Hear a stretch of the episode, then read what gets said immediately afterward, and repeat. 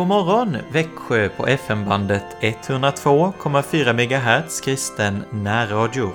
Jag heter Joakim Brandt Erlandsson och är präst i Helga Trefaldighets församling i Alvesta och Sankt Andreas Lutherska församling i Emmaboda. Vi lyssnar till Ej silver, ej guld.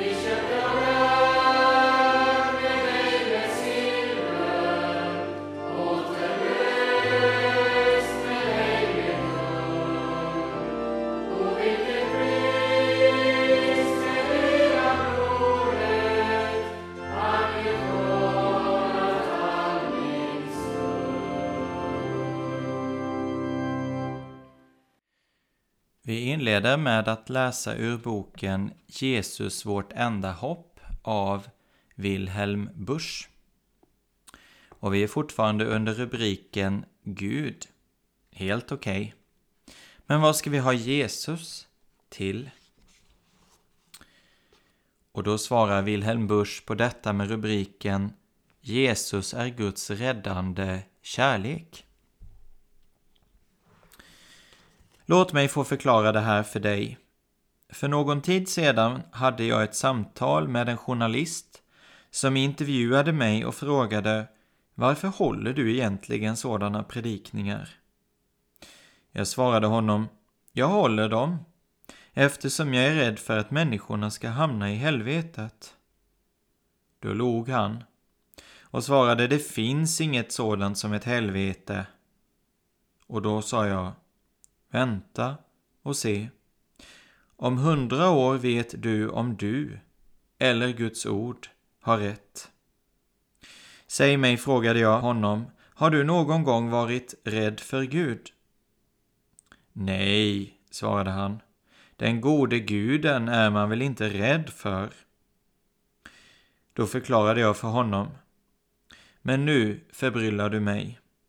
Den som bara har en svag aning om Gud måste i alla fall förstå att det inte finns något förskräckligare än han, den helige och rättfärdige guden, våra synders domare.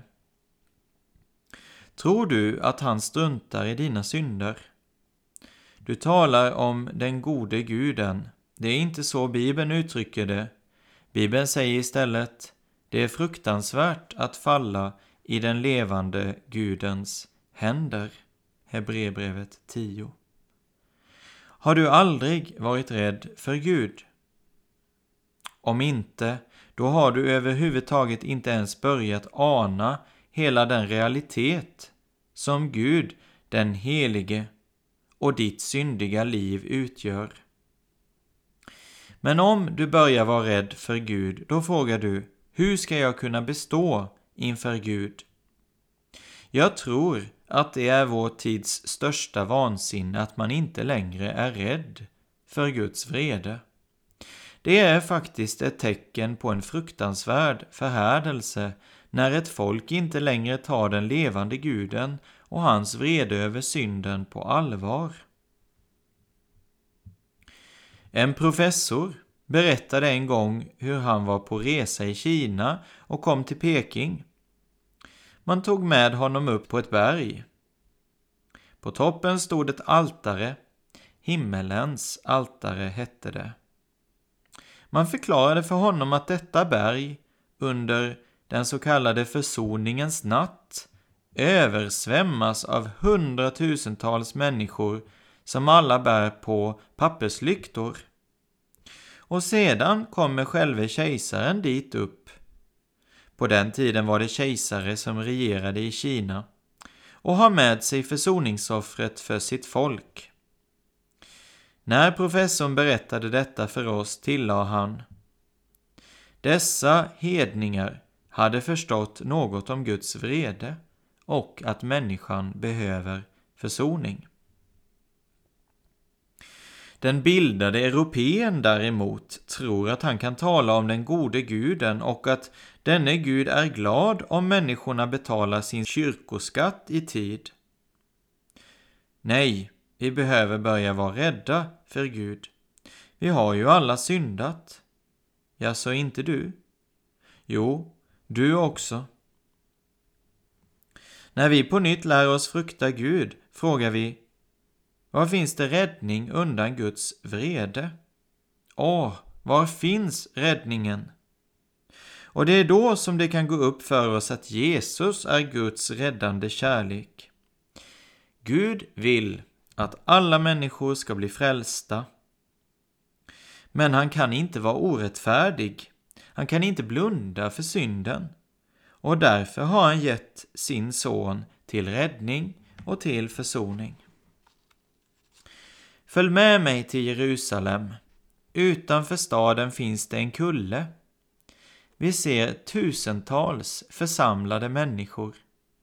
Och över de många människornas huvuden reser sig tre kors.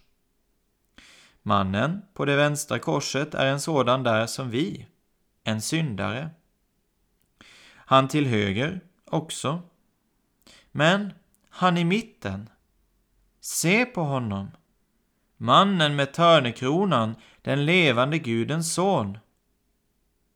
Och huvud, blodigt sårat, av smälek höljt och spe.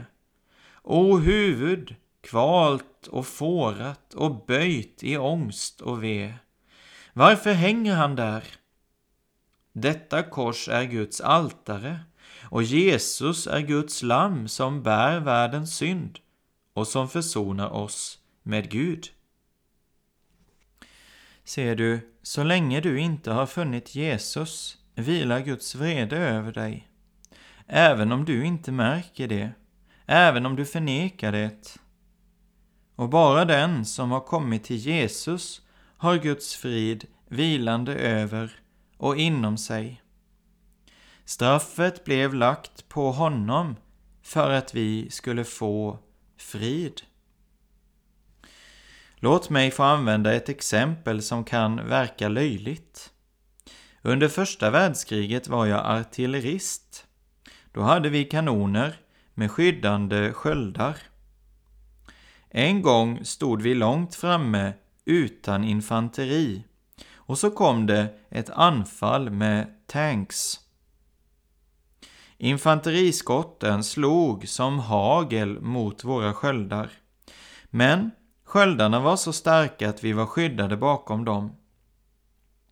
Och då tänkte jag, om jag nu bara sträcker fram handen, då far kulorna genom handen som om den vore en sil. Då är jag förlorad. Då kommer jag att förblöda. Men bakom skölden är jag skyddad. Och just det har Jesus blivit för mig. Jag vet att utan Jesus går jag under i Guds dom. Utan Jesus har jag ingen frid i hjärtat, även om jag anstränger mig aldrig så mycket. Utan Jesus kan jag inte dö utan dödlig ångest. Utan Jesus hamnar jag i det eviga fördärvet. Det finns ett evigt fördärv. Vänta ska du få se. Men om jag ställer mig bakom Jesu kors är jag skyddad som bakom den skyddande skölden. Då vet jag, han är min försonare, han är min räddare, Jesus är Guds räddande kärlek. Lyssna, Gud vill att alla människor ska bli frälsta. Därför har han gett sin son till räddning, till försoning. För dig också.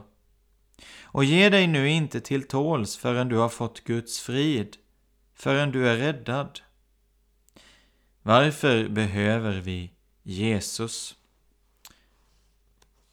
Jesus är Guds räddande kärlek. Du nederslagna själ som hungrar märkt och de orden var. Att du är återlöst. Om du blott detta fatta vill av hjärtat sätta trådar till. Jag har som ett barn skall du finna ro. Märk allt som leder dig försoningen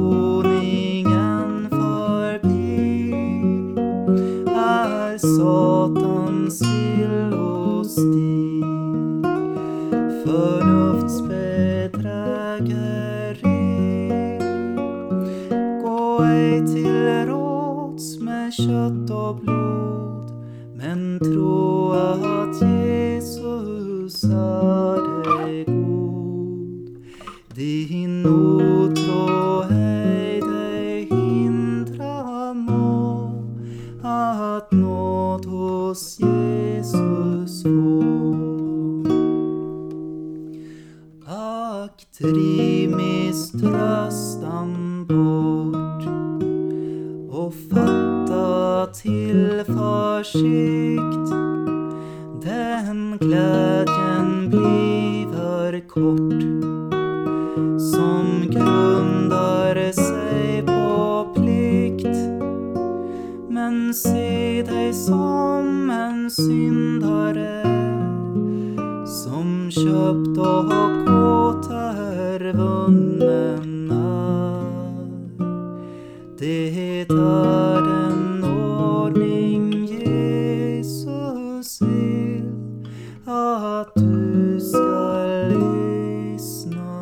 Till. Jag läser ur andaktsboken Livets segerkrans av Hans-Erik Nissen. När jag har blivit upphöjd från jorden ska jag dra alla till mig. Johannes 12. Det är som upphöjd på förbannelsens trä som Jesus har sin dragande makt till frälsning. Det finns ingen frälsning i sympati för Jesus. Att beundra honom för hans styrka, makt och kraft kan stämma sinnet till lovsång. Men frälsningssång blir det inte förrän du som en förtappad syndare vilar i en frälsare famn, omsluten av två genomborrade händer. När det har skett har korsets fot blivit din viloplats. Dit måste du gå med din syndabörda, för det är där du blir fri ifrån den. Du ser att du är befriad och löst. Det blir så rikt för ditt hjärta att du har förlossning i honom. Du har det inte genom något av ditt eget, utan du har det genom hans blod, och du är så rik som Guds nåd är. Du måste också till korset med all den nöd som tynger ditt hjärta. Det är försoningsstället där du böjer dig för honom som har bestängt allt det svåra med sitt blod. Korset är kärlekens brännpunkt där du får allt med Kristus. Det är verkligheten, även om förståndet inte alltid kan fatta det. Vid korset lär du dig att säga så skedde det som är din vilja. Det gäller Guds vilja till frälsning och det gäller Guds ledning i ditt liv. När jag har blivit upphöjd från jorden, då ska jag dra alla till mig.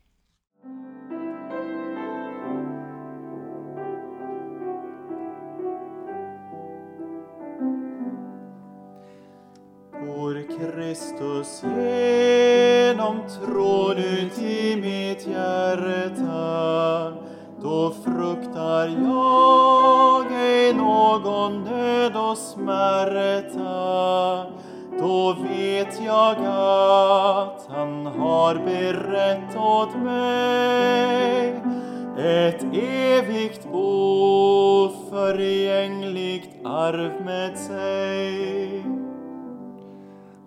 Är jag en lem i hans lekamen vården, då skall jag trots all synd och brist på jorden honom lik, fullkomligt lik när jag får se min Jesus som han är en dag.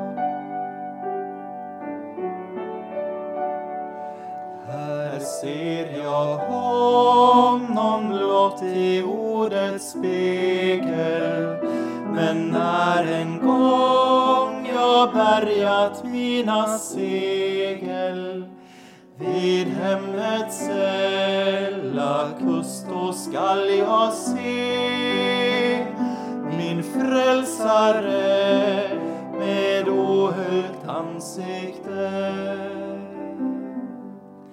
Så vill jag ej på jorden bo och bygga men vid hans nådes nådesord mig trygga och glömma det som bakom är och glad där uppe söka mig en säker stad.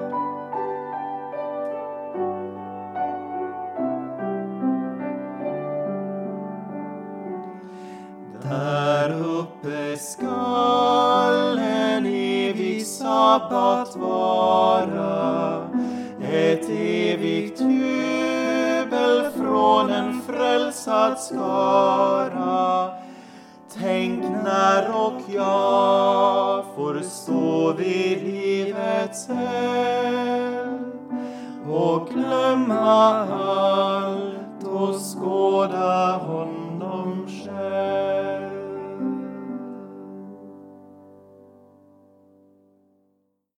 Jag läser ett avsnitt ur vår heliga skrift, Romarbrevet kapitel 6, från vers 10. Ty hans död, alltså Kristi död, var en död från synden en gång för alla. Men det liv han lever, det lever han för Gud. Så skall också ni se på er själva, ni är döda från synden och lever för Gud i Kristus Jesus. Synden skall därför inte härska i er dödliga kropp så att ni lyder dess begär. Ställ inte era lemmar i syndens tjänst som vapen åt orättfärdigheten, utan ställ er själva i Guds tjänst. Ni som var döda, men nu lever, ställ era lemmar i Guds tjänst som vapen åt rättfärdigheten. Synden kommer inte att vara herre över er, ty ni står inte under lagen, utan under nåden. Hur är det alltså? Ska vi synda eftersom vi inte står under lagen, utan under nåden? Naturligtvis inte. Vet ni inte att om ni gör er till slavar under någon och lyder honom, då är ni hans slavar, och det är honom ni lyder, antingen under synden, vilket leder till död, eller under lydnaden, vilket leder till rättfärdighet. Men Gud vare tack. Ni var syndens slavar, men har nu av hjärtat blivit lydiga mot den lära som ni blivit överlämnade åt. Nu är ni slavar under rättfärdigheten sedan ni har befriats från synden. För er mänskliga svaghets skull använder jag en så enkel bild. Ty liksom ni förr ställde era lemmar i orenhetens och laglöshetens slavtjänst till ett laglöst liv, så ska ni nu ställa era lemmar i rättfärdighetens slavtjänst till helgelse. Medan ni var syndens slavar var ni fria från rättfärdigheten, men vad skördade ni då för frukt? Jo, det som ni nu skäms för. Slutet på sådant är döden. Men nu, då ni befriats från synden och blivit Guds slavar, blir frukten att ni helgas och till slut får evigt liv.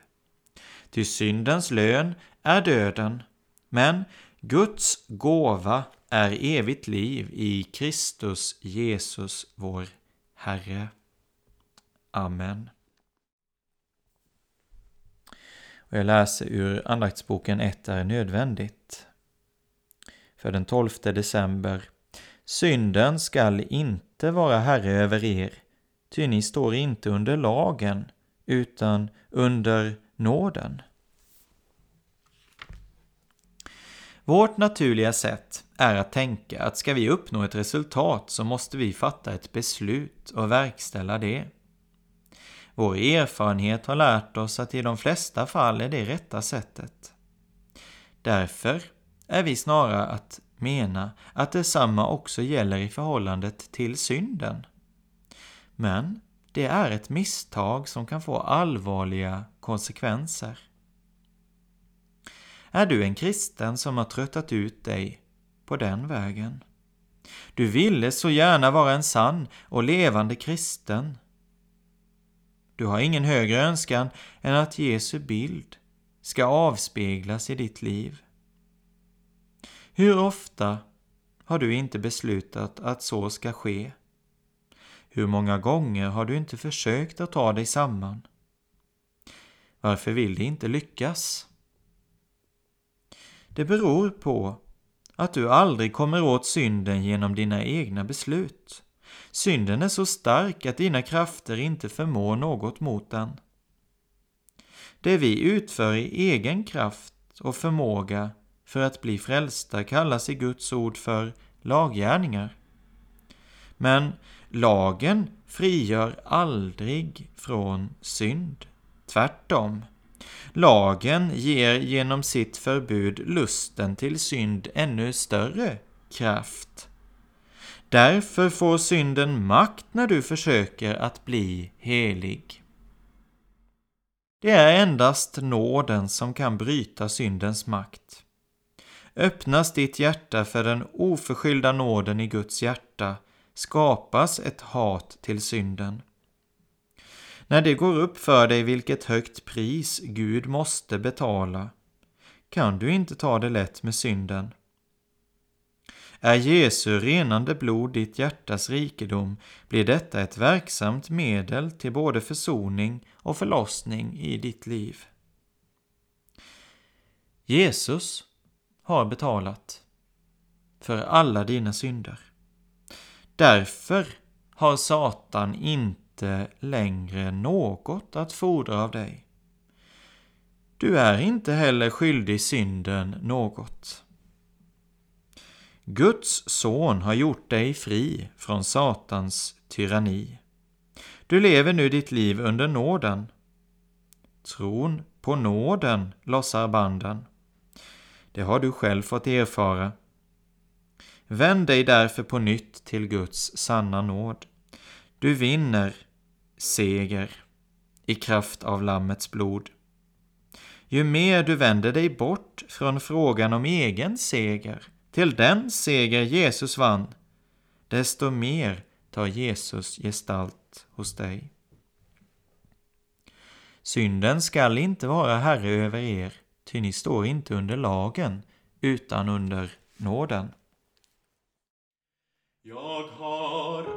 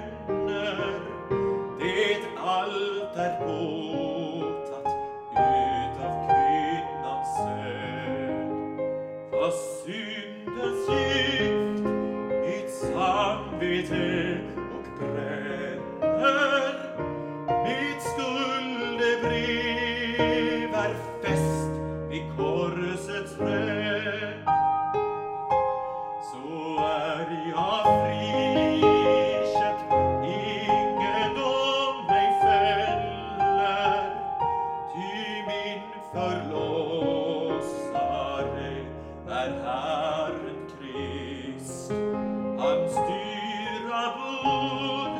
långt mer än synden gäller. Hans skänkta oskuld skyler all min brist.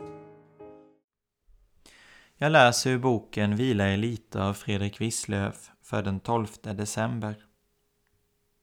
Den ene vill hjälpa den andre. Han säger till den andre Fatta mod. Jesaja 41, vers 6. Det är dessvärre inte alltid så. Ofta är det väl till och med tvärtom. Den ene baktalar och kritiserar den andre. Det är mycket köld och kärlekslöshet bland kristna bröder. Missundsamhet, misstänksamhet och kritik kan komma kärleken att frysa bort. Och så rövar den ene frimodigheten ifrån den andre. De kristna behöver varandra. Ingen är så stark och kan så hjälpa sig själv att han inte behöver sin broders hjälpande hand. De flesta människor går omkring och längtar efter kärlek. Och sann kärlek jagar köld och ondska på dörren. Och så blir det gott mellan de kristna. Den ene vill hjälpa den andra. Han säger till den andra, fatta mod. Det finns säkert någon som du idag kan hjälpa. Om du bara har kärlek ska du nog finna ett tillfälle. Om du möter en missmodig, så säg till honom, fatta mod. Genom att hjälpa andra blir du själv hjälpt. Och genom att uppmuntra andra blir du själv glad. Låt oss nu be med hjälp av boken Se på Jesus och ett ord från Första Mosebok 15. Frukta inte, Abraham, jag är din sköld. Din lön ska bli mycket stor. Var stilla, mitt arma, försagda hjärta. Varför är du så oroligt i mig? Är inte Herren ditt beskydd? Mina synder kan inte fördöma mig. Mina fiender ska inte bli mig övermäktiga. Frestelserna ska inte besegra mig. Bedrövelserna ska inte uppsluka mig. Är inte Herren mitt beskydd? Vem skulle kunna skilja mig från hans kärlek? Varför sörjer jag? Varför knotar mitt hjärta så ofta? Är inte Herren min mycket stora lön? Förlåt. Förlåt, o Jesus. Ingenting är så som din kärlek, din frid och din vila. Snart ser jag dig, och då ger du mig livets krona. Då är all min sorg och smärta för evigt glömd.